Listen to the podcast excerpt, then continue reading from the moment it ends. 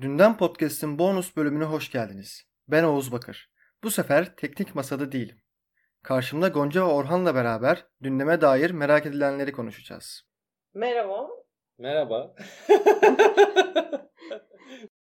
Öncelikle merak edenler için gündemin başlangıç hikayesini anlatabilir misiniz? Ya gündem hangi ihtiyaç ya da hangi fikirden ortaya çıktı?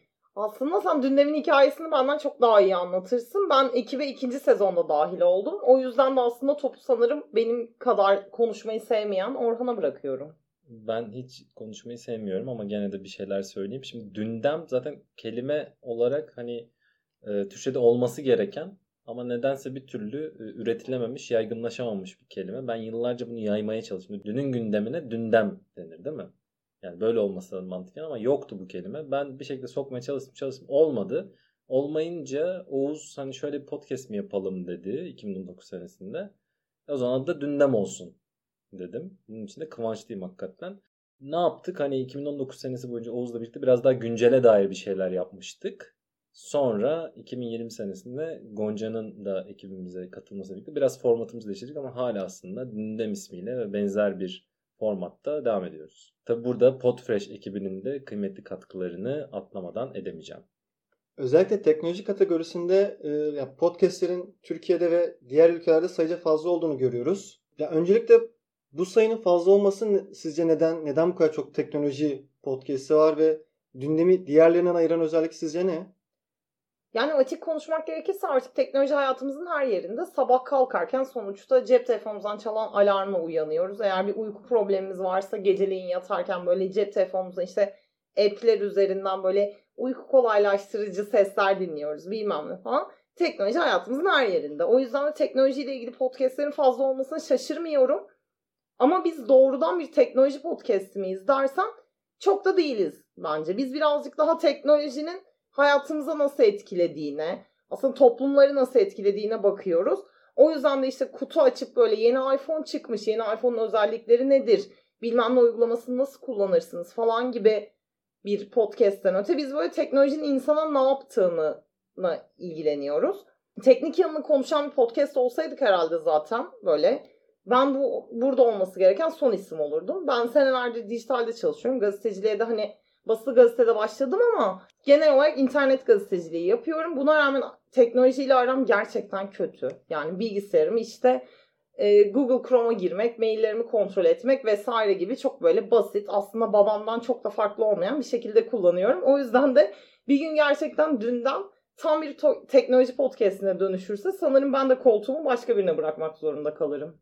Yani o durumda ben de bırakırım. Çünkü televizyonu hala düzgün açamıyorum. Yeni televizyonlar çok karışık. Şimdi biz dündemde ne yapmaya çalışıyoruz hakikaten? Teknolojiyi merkeze alıyoruz özellikle iletişim teknolojinden ama bunların böyle topluma daha değen hani mala davara faydası olan diyoruz ya boyutlarına bakmaya çalışıyoruz. Bir yandan da böyle ben tabii akademikliğe sürüklüyorum. Sıkıcı oluyor bazen falan. Orada bir sıkıcı olmaması ama anlamlı böyle bilgi aktarımda olması için bir denge gütmeye de çalışıyoruz. Şimdi teknoloji podcastleri niye bu kadar çok yani dünyada da çok Türkiye'de de çok ama orada şöyle bir iki uçtan bahsediyor. Kutu açanları hani bir kenarda bırakıyorum o başka bir şey. İlki şu yani teknoloji dediğinde teknolojiyle ilgili insanlar bir şey söylüyorsa ya her kötülüğün başı teknolojidir. Böyle bir yaklaşım var değil mi? Böyle baktığında yeni çıkan e, teknoloji ya insanlar genelde böyle tepkisel yaklaşıyor. Yani mesela Plato'da şey diyormuş işte ya yazı diye bir şey var ama böyle milletin aklını köreltecek falan. Siz gene ezberleyin. Ya da ne bileyim ilk kez şeyler çıktığında ortaya yani ilk kez tele, televizyon, sinema, radyo bunların her biri insanlarda böyle bir galeyana getirmiş toplumu ve çocuklarımıza kötü mü örnek oluyor falan demişler. Şimdi mesela aynısı bilgisayar oyunları için. Bu bir tarafı. Hani bir sorun varsa bunun sebebi teknolojidir. Öbür tarafı da teknolojiyi gereksiz bir şekilde böyle fetişize etmek. İşte ne bileyim zıplayan robot yapalım. Her şeyi bırakalım. Bütün böyle toplum olarak sanat şu falan. Siyasette uğraşmayın teknoloji yapın. Teknoloji deyince bilmiyorum aklına geliyor ama yani gündemde olan bir şey var mesela. Herkes 6 aydır Bill Gates bizim kafamıza çip takmak için virüs uydurdu diyor. Elon Musk gelip ben gerçekten kafanıza çip takacağım dediğinde süper. Her hastalığa deva olacak. Bak millet ne kadar teknolojide ilerledi falan. Böyle garip iki uçta geziniyoruz. Oysa teknoloji böyle bir şey değil. Teknoloji zaten insanın ürettiği bir şey ama bir kez ürettikten sonra durduğu yerde ilk amacıyla durmuyor. Toplumu değiştiriyor. Toplum gene onu değiştiriyor. Böyle bir sarmal var. O sebepten teknolojiye dair bir şey söyleyeceksen ne bileyim bunun ekonomi politiğine, siyasete, kültürüne, hani toplumun yapısına, değişimine vesaire dair bir sürü şey söylemek lazım. Hani her şeyi bilmek değil belki ama biraz daha böyle bütüncül bir yaklaşım gerekiyor. Biz de zaten bunu yapmaya çalışıyoruz. Bir yandan da bunu sıkıcı yapmamaya çalışıyoruz. Mesela işte Twitter'daki küçük yeşil toplar ve işte e, Uşak türküsü benzetmesi falan. Hani tam olarak bizim yapmaya çalıştığımız şeydi. Dünden podcast'inde doruk noktasıydı bence. Burada aslında biraz Gonca'nın şanssızlık diyebiliriz. İkinci sezon pandemi sürecine denk geldi ve bu süreçte kayıtlarınızı nasıl aldınız? Yani aslında bu birazcık tesadüf eseri oldu. Hani çünkü pandemi sürecinde çok fazla podcast üretmeye başlayan insan da oldu. Bizimkisi birazcık daha önceden karar verilmişti. Ama zaten planladığımız süreç pandeminin ortasına düştü. O yüzden de ilk kaydımızı aslında uzaktan aldık. İkinci kaydımızda birazcık daha Türkiye'de normalleşme, tırnak içinde normalleşme sürecine girmişti. O yüzden bir araya geldik. Yani kaydı yakın, birlikte mi alıyoruz, uzaktan mı alıyoruz meselesini açık konuşmak gerekirse şu anda bize pandemiden çok programlarımızın yoğunluğu etkiliyor. Çünkü ben başka bir proje için bu aralar çok fazla şehir dışına çıkmak zorunda kalıyorum. Ya da yaz tatili sürecinde işte ben bir ara gittim, Orhan bir ara gitti. E, aynı şehirde olmadığımızda tabii ki uzaktan kayıt almak zorunda kalıyoruz. Ama yani %100 bunu pandemiden yaptık diyemeyiz açıkçası. Yani evet biraz denk geldi ama pandeminin şöyle bir artısı oldu aslında podcast üretiminin artmasıyla ilgili olarak. insanların uzaktan iletişim, uzaktan iş yapma teknolojilerine, araçlarına olan ön yargısı ben, ben de dahil olmak üzere kırıldı. Hani Zoom eskiden de vardı Zoom değil mi? Ama şundan bir sene önce bana desen ki işte toplantı yapacağız hani işte okulda, kurumda falan. Yani Zoom'da yapmayalım derdim açıkçası. Çünkü öyle olmaz gibi geliyordu. Öyle eğitim de verilmez gibi geliyordu. Ama bir mecburiyet oluşunca bunun yapılabildiğini, kısıtları olmakla birlikte bayağı da işe yaradığını görmüş oldu herkes. Bir yandan da özellikle gazetecilik odaklı bir e, podcast yapacaksan yani mülakat yapacağın insana ulaşmak kolaylaştı. Eskiden işte bir yerde buluşacaksın, çayını kahvesini ısmarlayacaksın, önünden konuşacaksın, arkadan böyle bir hoşbeş olmadan bayağı uzun bir süreç ve insanlar da üşeniyordu. Tabii bir de yani yeterince özen göstermiyormuşsun gibi geliyordu konuşacağın insanlara haberdeyken. işte aa telefonla mı görüş alacaksınız falan hani şey daha iyiydi böyle ayağına kadar gideceksin. Başka bir şehirdeyse de imkanı yaratacaksın, buluşacaksın bilmem ne falan. E ama şimdi insanlar da sonuç itibariyle belli bir kaygı duydukları için hem de bu yaygınlaştığı için şeye çok okeyler. Yani ben kendim de herhangi bir şeyle ilgili görüş vermem gerektiğini Zoom üzerinden verdim. Benim haber kaynaklarımda birçoğu işte telefon üzerinden artık görüş vermekle ilgili, Zoom üzerinden görüş vermekle ilgili çok çok daha rahatlar. Evet biraz da bu sebepten herhalde pandemi sürecinde bir artış oldu ama Gonca'nın dediği gibi hani yüz yüze gelip hani aynı mekanda yapmanın bayağı bir faydası oluyor dinamizm açısından ama olmazsa işte Zencaster benzeri araçlar kullanıp ses kalitesini olabildiği kadar işte optimumda tutup gene de hani uzaktan da yapıyoruz. Şimdi biraz da kayıt sürecine, daha sonra kayıt öncesi sürece gelelim. Ee, konuları nasıl seçiyorsunuz ve seçerken dinlediğiniz podcastlerin ya da mesela e, feedbacklerin yeni bölüm için bir nasıl bir etkisi var ya da etkisi var mı? Ya kayıttan önce konuya hep birlikte karar veriyoruz aslında. Aklımızda bazı şeyler var işte bu gündeme gider mi ya da mesela herhangi bir güncel konu olduğunda da aramızda şey diye konuşuyoruz. Zaten bu arada başka işlerle ilgili de gündemle ilgili de bence çok fazla temasta olan bir ekibiz. O yüzden de bir şey gözümüze çarptığında bu bir makale de olur başka bir işte podcast bölümü de olur başkasının yaptığı ya da güncel bir olay da olur. Birbirimize paslayıp hemen bir şeyi konuşuyoruz. İşte ya bundan mı bahsetsek, bununla ilgili bir bölüm yapar mıyız, yapmaz mıyız falan gibi. E, konuyu seçtikten sonra da aslında asıl yükü podcast'in tabii ki kayıtların işte zamanını belirlemesi, kayıt esnasında aman tanrım söyledim söyleyemedim falan önemli oluyor ama asıl külfeti severek yaptığımız külfeti okuma kısmı oluyor. Yani konuyu belirledikten sonra Orhan da ben de iki farklı konudan başlayıp böyle aklımıza gelen her şeyi okumaya çalışıyoruz. Arada da ya ikimize de yarar dediğimiz şeyleri de birbirimize gönderiyoruz. İkimizin farklı şekilde okuma yapmasının bence sebeplerinden bir tanesi dündemde de hep gördüğümüz bir dinamizm bu. Orhan birazcık daha akademik kısmına eğiliyor meselenin. Ben birazcık daha gazetecilik kısmına eğiliyorum. O yüzden de okumalarımızı ayrı yapıyoruz ama arada paslaşıyoruz. Sonrasında da e, dinleyicilerimizin yorumları konuyu seçerken çok etkili olmuyor şu ana kadar. Hani öyle bir şey yaptık mı çok emin değilim. Ama sonrasında biz dünden bölümlerini podcast olarak yayınladıktan sonra bir de metin yayınlıyoruz sitemizde. Mesela o genelde bir iki günlük bir fark var. Aralarında dinleyicilerimiz mesela şöyle yorumlar yapabiliyorlar. İşte yalnızlığı konuştuğumuz bölümle ilgili ya keşke şundan da bahsetseydiniz. Aa bununla ilgili ben de New Yorker'da şöyle bir makale okumuştum falan gibi bize gelen öneriler oluyor. Bunları da aslında metinin içerisinde tekrardan toparlayıp okuyucularımıza vermeye çalışıyoruz artık dinleyicilerimiz olmasa bile. Yani konu seçiminde orada bir dinamik süreç var. Yani biraz aslında evrildi diyebilirim. İlk bölümde mesela ikinci sezonun ilk bölümünde Denk de geldi. Hani o sıra işte Başkan Donald Trump işte Twitter bir e, platform değil yayıncı o yüzden düzenlemeye tabi tutulması lazım falan diyordu. Biz de e, Türkiye'deki de sansür vesaire işte yeni sosyal medya düzenlemesi, küçük yeşil toplar falan e, konularını merkeze alıp biraz aslında kamusal alan konuşmuş olduk. Yani mesele Twitter gibi gözüküyor ama biz aslında orada kamusal alan nedir? Demokrasiyle olan ilişkisi nedir? Nereye kadar düzenlenir, düzenlemez falan biraz bunu konuştuk. Sonraki konular hep şimdi biraz daha uzun erimli böyle 6 ay sonra bir sene sonra da dinlesen anlamı olacak şeyler yapmaya çalışıyor. Bir kavramı konuşuyoruz daha fazla.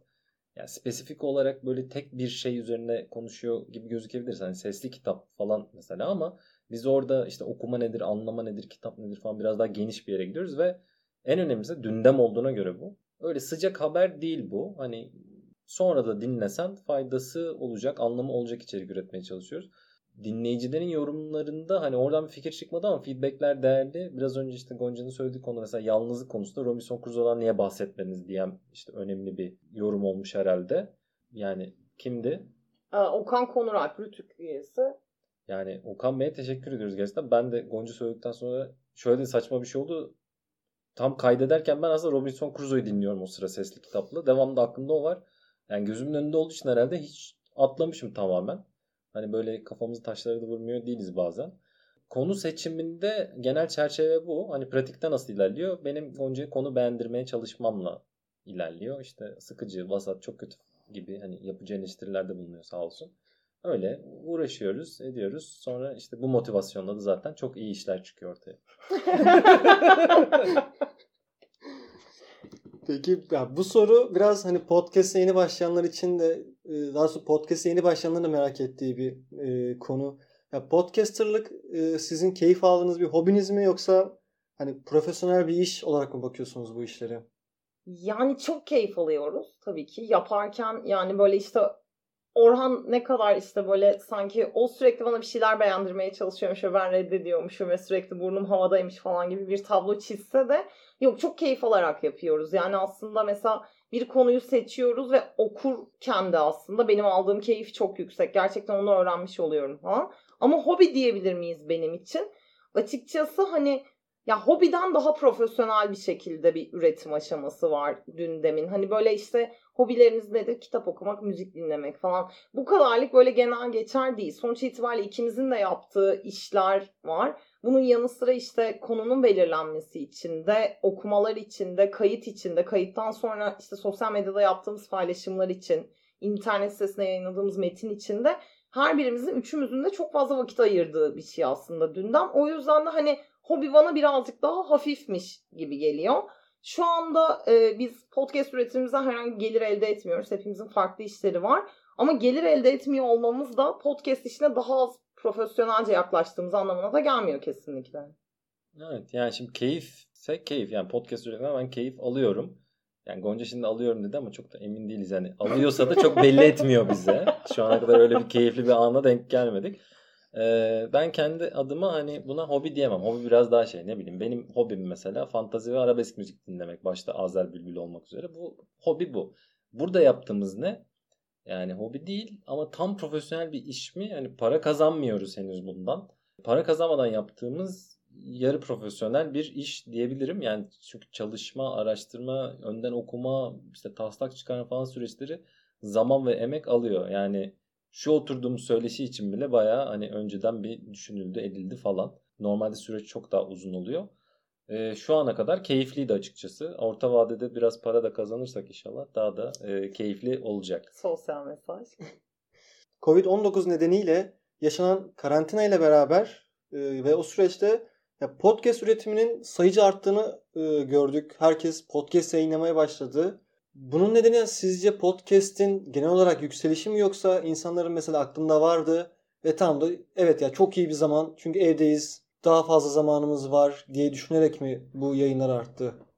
Yani açık konuşmak gerekirse ben podcast yayıncısı olmadan önce de zaten dinleyicisiydim ve podcast meselesi uzun süredir de radarımdaydı. İşte e, Podfresh'ten İlkan ve Uraz'ın daha önce TGS'de yaptığı eğitime de katılmıştım. Sürekli kendi aramızda da konuşuyorduk. Uraz'ın çok büyük bir baskısı vardı. Ne zaman yapacaksın, ne zaman yapacaksın falan diye.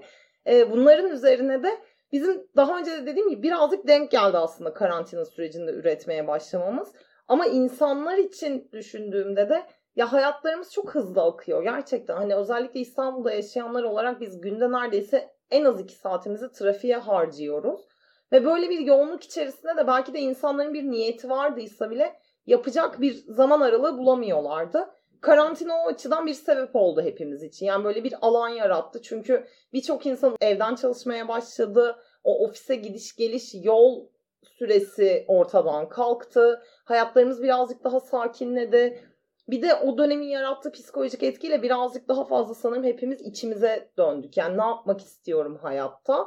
E podcast'te kendini ifade edebilmen için bu bir dönem belki de işte pukalar zamanında falan bloklardı. Herkes blok yazıyordu. İnsanlar biraz blok üzerinden bir şey anlatmaya çalışıyordu. İşte seyahatini yazan da vardı, aşk hayatını yazan da vardı ya da işte e, ciddi konularla ilgili düşüncelerini yazan da vardı. E podcast'te birazcık onun yerini almaya başladı. İnsanlar da bunu yapmak için vakit buldular pandemi döneminde diye düşünüyorum. Buka niye podcast yapmıyor ya? Yapıyor. Yapıyor mu? Benim haberim yok. Yapıyor hatta kaldırıldı bir daha tekrar şey oldu ya. Öyle mi? Bir de biz sana büyük haberliğe duyurmuştuk Evet, bunu diye hatırlıyorum sanki. Te- Tekrar iptal edince demek silmişim. Çünkü tam podcast yapacak insan aslında. Yani blog işini Türkiye'de yayan insan bir nevi. Popüler. Konusu soft görece. Çok uygun yani baktığımızda. Bence ya, yapsın da dinleyelim. Yani Gonca'nın söyleyeceklerine ne eklenebilir? Zaten dünyada en hızlı yükselen formatlardan birisi. Türkiye'de de öyle ama Türkiye'de hepten sıfırdan başladığımız için hani son iki senede vardığınız yer hala çok kısıtlı limitli ama e, ivmeye baktığımda muazzam. İşte bu eve kapanmayla birlikte biraz önce söylediğimiz hani uzaktan mülakat yapmanın kolaylaşmasıyla da özellikle gazeteciler hani eve kapandılar. En ne yapacağım? Podcast yapabilirim. Hani e, görüntü kalitesini ayarlayamam ama ses kalitesini bir yere kadar ayarlayayım deyip e, mülakat yaptılar, içerikler ürettiler. Bir ek hani ivme yakalaması da bir ek herhalde faktör olmuştur ama zaten hani yükselişteydi. E, daha da hızlanır herhalde. Ya video yayınlarında iki ya da daha fazla kişinin sadece konuşarak yayın yapması hatta Orhan'ın e, tabirini kullanacağım burada. Konuşan kafaların videolarının sesi çevrilip podcast olarak yayınlaması çokça tartışılmadı. Hani kabul edenler okey olur dediler. Ama mesela Spotify'ın video podcast projesi çokça tartışmaya neden oldu. Ee, siz video podcast konusunda ne düşünüyorsunuz? Ve gündem içinde ilerleyen süreçte böyle bir çalışma olur mu? Yani ben ukalalık yapmak istemem ama açık konuşmak gerekirse çok da anlamadım video podcast meselesini. Yani nasıl bir ihtiyaçtan ortaya doğdu da Spotify video podcast diye bir şey çıkardı. Ayrıca video podcast'in de videodan ne farkı var meselesi.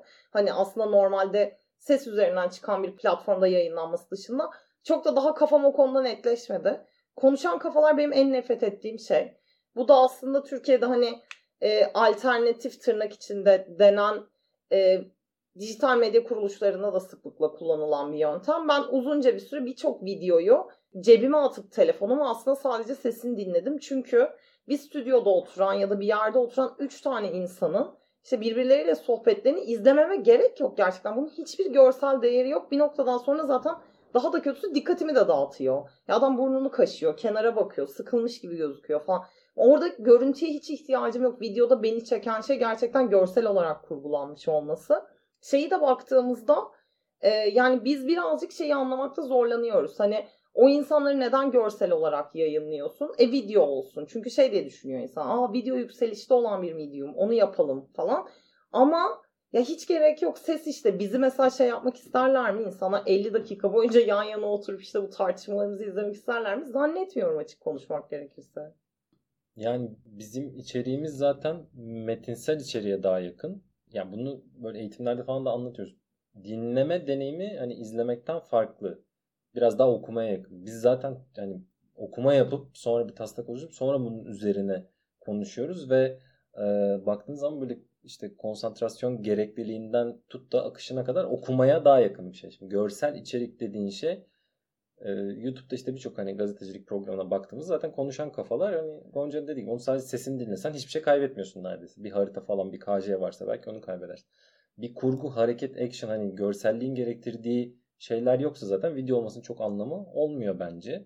Yani Gonca'nın dediği gibi evet orada hani podcast zaten hani tamam video podcast diye bir şey var teknik olarak ama ben çok manası yok. Birincisi o işte multitasking yapabilme artısını yitiriyor.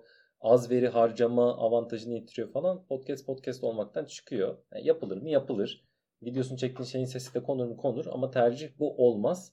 Ee, ve evet yani şimdi biz bunu mesela video yapsak bilmiyorum yani o, o kadar güzel miyiz acaba? İnsanlar böyle aşkla bize mi bakacak? Yani söylediklerimizin arkasında dururum ama şimdi hani bir 45 dakikalık görsellik sunamam ben insanlara. Aslında az önce de biraz ufaktan bahsettiniz bu konuda da e, dündemle ilgili dinleyicilerden nasıl dönüşler alıyorsunuz? Ve bu konuda mesela hem dinleme sayısı hem de dönüşlerle ilgili bir motivasyon durumu ya da hani motivasyonun düşme durumu nasıl sizde?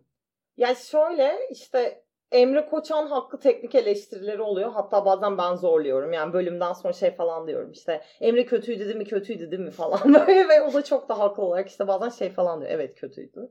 Ama onun dışında genel olarak ben insanlar hani benden mi korkuyorlar bilmiyorum ama Emre'den zorla aldığım kötü yorumlar dışında daha çok da olumsuz bir yorum almadım. Bazen şöyle şeyler söylüyorlar. İşte hani orası biraz kısa kalmış keşke birazcık daha açsaydınız ya da ya orada da biraz uzatmışsınız ha boş ver keşke hani kapatıp geçseydiniz falan gibi yorumlar geliyor ama genelde pozitif.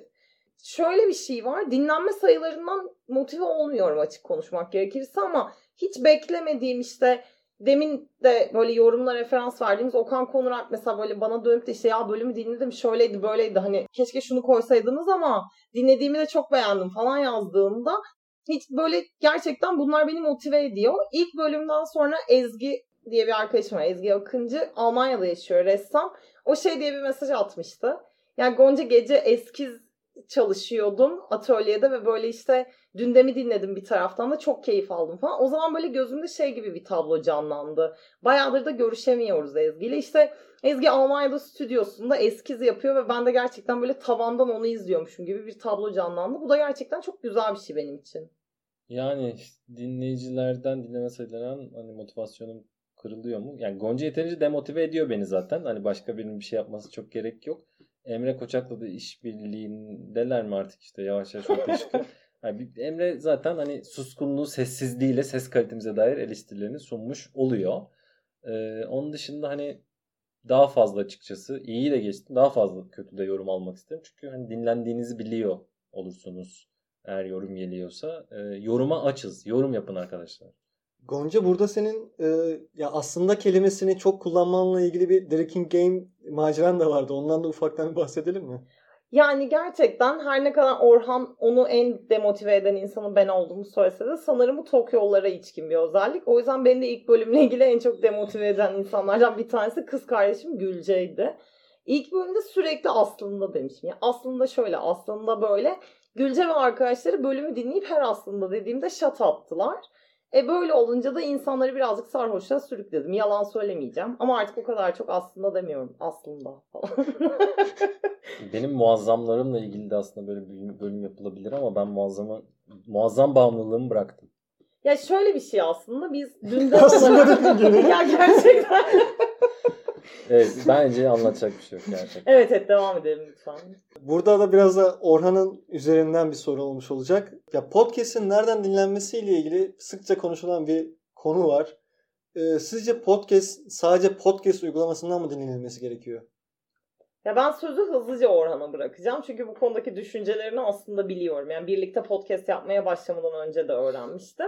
Bence kim neyi daha pratik buluyorsa ondan dinlesin. Yani ben daha başındayken bu işin Spotify'dan dinliyordum. Çünkü öyle bir alışkanlığım vardı. İşte müzik de dinliyorum Spotify'dan sonuç itibariyle. Ama artık şu anda yoğunlukla e, şeyden dinliyorum. Pocket Cast'ten dinliyorum.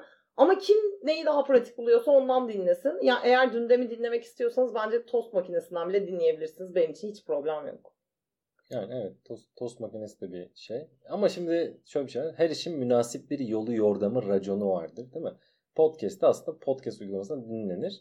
Yani ben şahsen hani müzik dinlediğim yerde podcast dinlemeyi tercih etmem. Spotify'ın da teknik olarak yetersiz olduğunu düşünüyorum. Çünkü böyle bazı önemli özellikler yok. İşte 1.1 hızla dinleyin, 1.3 hızla dinleyin. Benim kafamda mesela bütün BBC'nin işte bu yaşlıların sunduğu programlar, In Our Time, işte Thinking Out falan bunların hepsi 1.4 benim için mesela kafamda. İşte ne bileyim Emrah Safa dinliyorsa mesela 0.8 yapabilmeliyim falan. Böyle ince ayar gerektiriyor. İşte spesifik bir kısmını paylaşabilmek isterim. Ne bileyim işte aradaki ığlamaları mığlamaları kesen trim silence özelliği var falan.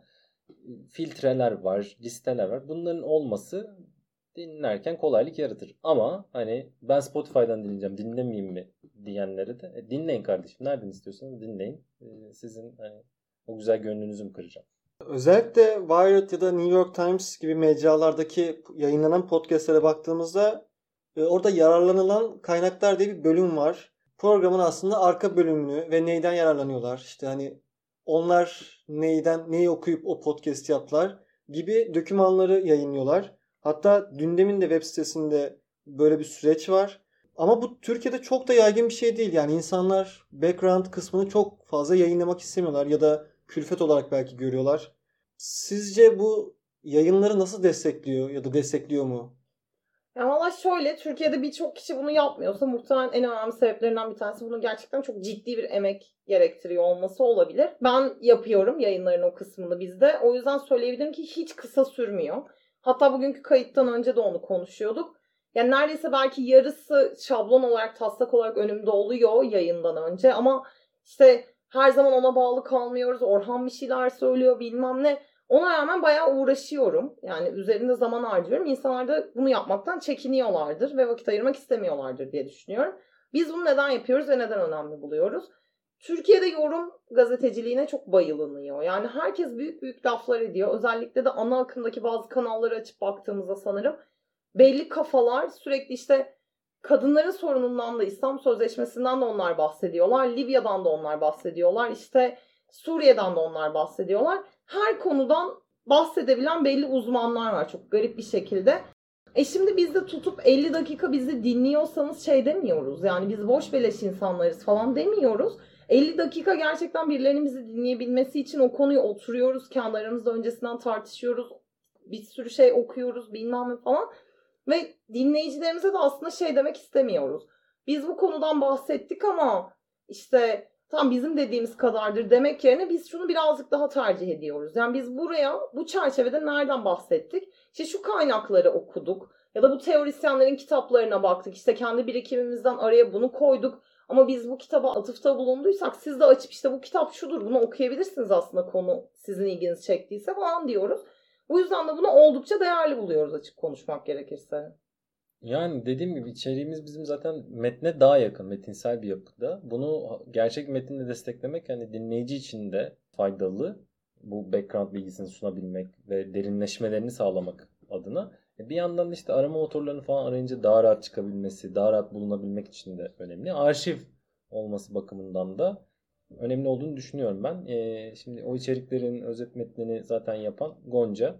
Bunun için kendisine teşekkür ediyoruz. Ve işte hani Patreon'a geçtiğimiz zaman Gonca'nın nasırlı parmaklarının fotoğrafını çekip ajitasyon maksatlı kullanacağız. Bir şey söyleyeceğim. Şaka bir yana bu arada gerçekten nasırım varmış. Geçen gün fark ettim arkadaşlar. İşte. Peki. kan, ter, gözyaşı. Ee, ya son olarak da diğer ülkelerle karşılaştırırsak Türkiye'deki podcast yayıncılığının durumuna ve insanların podcast yaklaşımına ilişkin ne söylemek istiyorsunuz?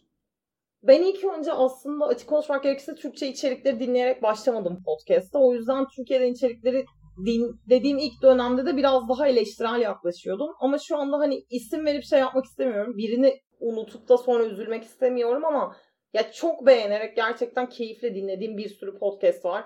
Bunların hatta bir kısmında işte bizim gibi Podfresh'in çatısı altındalar. Ee, insanlar çok ciddi bir birikime, çok böyle ya araştırıyorlar, okuyorlar ya da format olarak da farklı şeyler deniyorlar. E, gazeteciler açısından da çok güzel örnekler görüyorum bu arada. Son dönemde daha da ilgimi çeken şeyler görüyorum. Ama tabii ki Orhan'ın da daha önce söylediği gibi Türkiye'de birazcık daha bebek adımlarıyla giriyoruz bu işe. Ve o yüzden de e, para yok, birikim yok yani bir, daha doğrusu birikim denemez de bir deneyimimiz o kadar yüksek değil podcast endüstrisinde. O yüzden de daha böyle tabii ki benim ilk başladığım dönemde dışarıdan bayılarak dinlediğim şeyleri yapmak için birazcık daha önümüzde vakit var. Ama onun dışında bence ben şu anda mevcut durumu gayet iyi görüyorum Türkiye'de. Yani evet baktığın zaman hani kazanılan paranın hacmi çok kısıtlı Türkiye'de podcast sektöründe. Buna rağmen yapılan işleri hani bu, bu çerçevede değerlendirirsen müthiş. Yani insanlar neredeyse hiç para kazanmadan bu kadar iyi işler çıkarabiliyorlar. Özellikle son bir yılda bayağı bir e, yeni yayın e, hayatımıza girdi. Gazetecilerin özellikle ciddi bir e, ilgisi var. Yani biraz o işte sansürden biraz merkez medyada iş bulamamalarıyla da alakalı. Bu dinleyicinin yararına ama çok kaliteli işler üretiliyor. Ha sesin imkanları yeterince kullanılmıyor. Hani işte dediğim o dış sesler, kurgu vesaire değil. Daha çok konuşan kafalar dinliyoruz ama birikimin olduktan sonra hakikaten Gonca'nın dediği gibi e, hiç hayatımızda dinleyemeyeceğimiz insanları dinleme fırsatını da yakaladık. Gelişiyor da. Başlangıcı iyiydi podcast üretim bakımından. Dinleme sayıları şu an kısıtlı olmakla birlikte şu iki yılda bu kadar mesafe aldı, aldıysak biz 2025'e geldiğimizde bambaşka bir podcast ekosistemiyle karşı karşıya geleceğiz. Umarım bizim de bir katkımız oluyordur bunda. O zaman haber masalının bonus bölümünde de sonuna geldik. Ben söyleyeceğim bir şey vardı onu unuttum. Önce onu söylemek istiyorum. Video bölüm yapmayacağız dedik ama Gonca kafasının üstünde durabildiği zaman bir bölüm yapıyoruz. Kafamızın Çalışma. üstünde. Tamam çalışmalarım devam ediyor bu konuda. Zaten kafamın üzerine durup duramadığımı sanırım video bölüm geldiğinde göreceksiniz. Haber masalının bir sonraki bölümünde görüşmek üzere. Görüşmek üzere.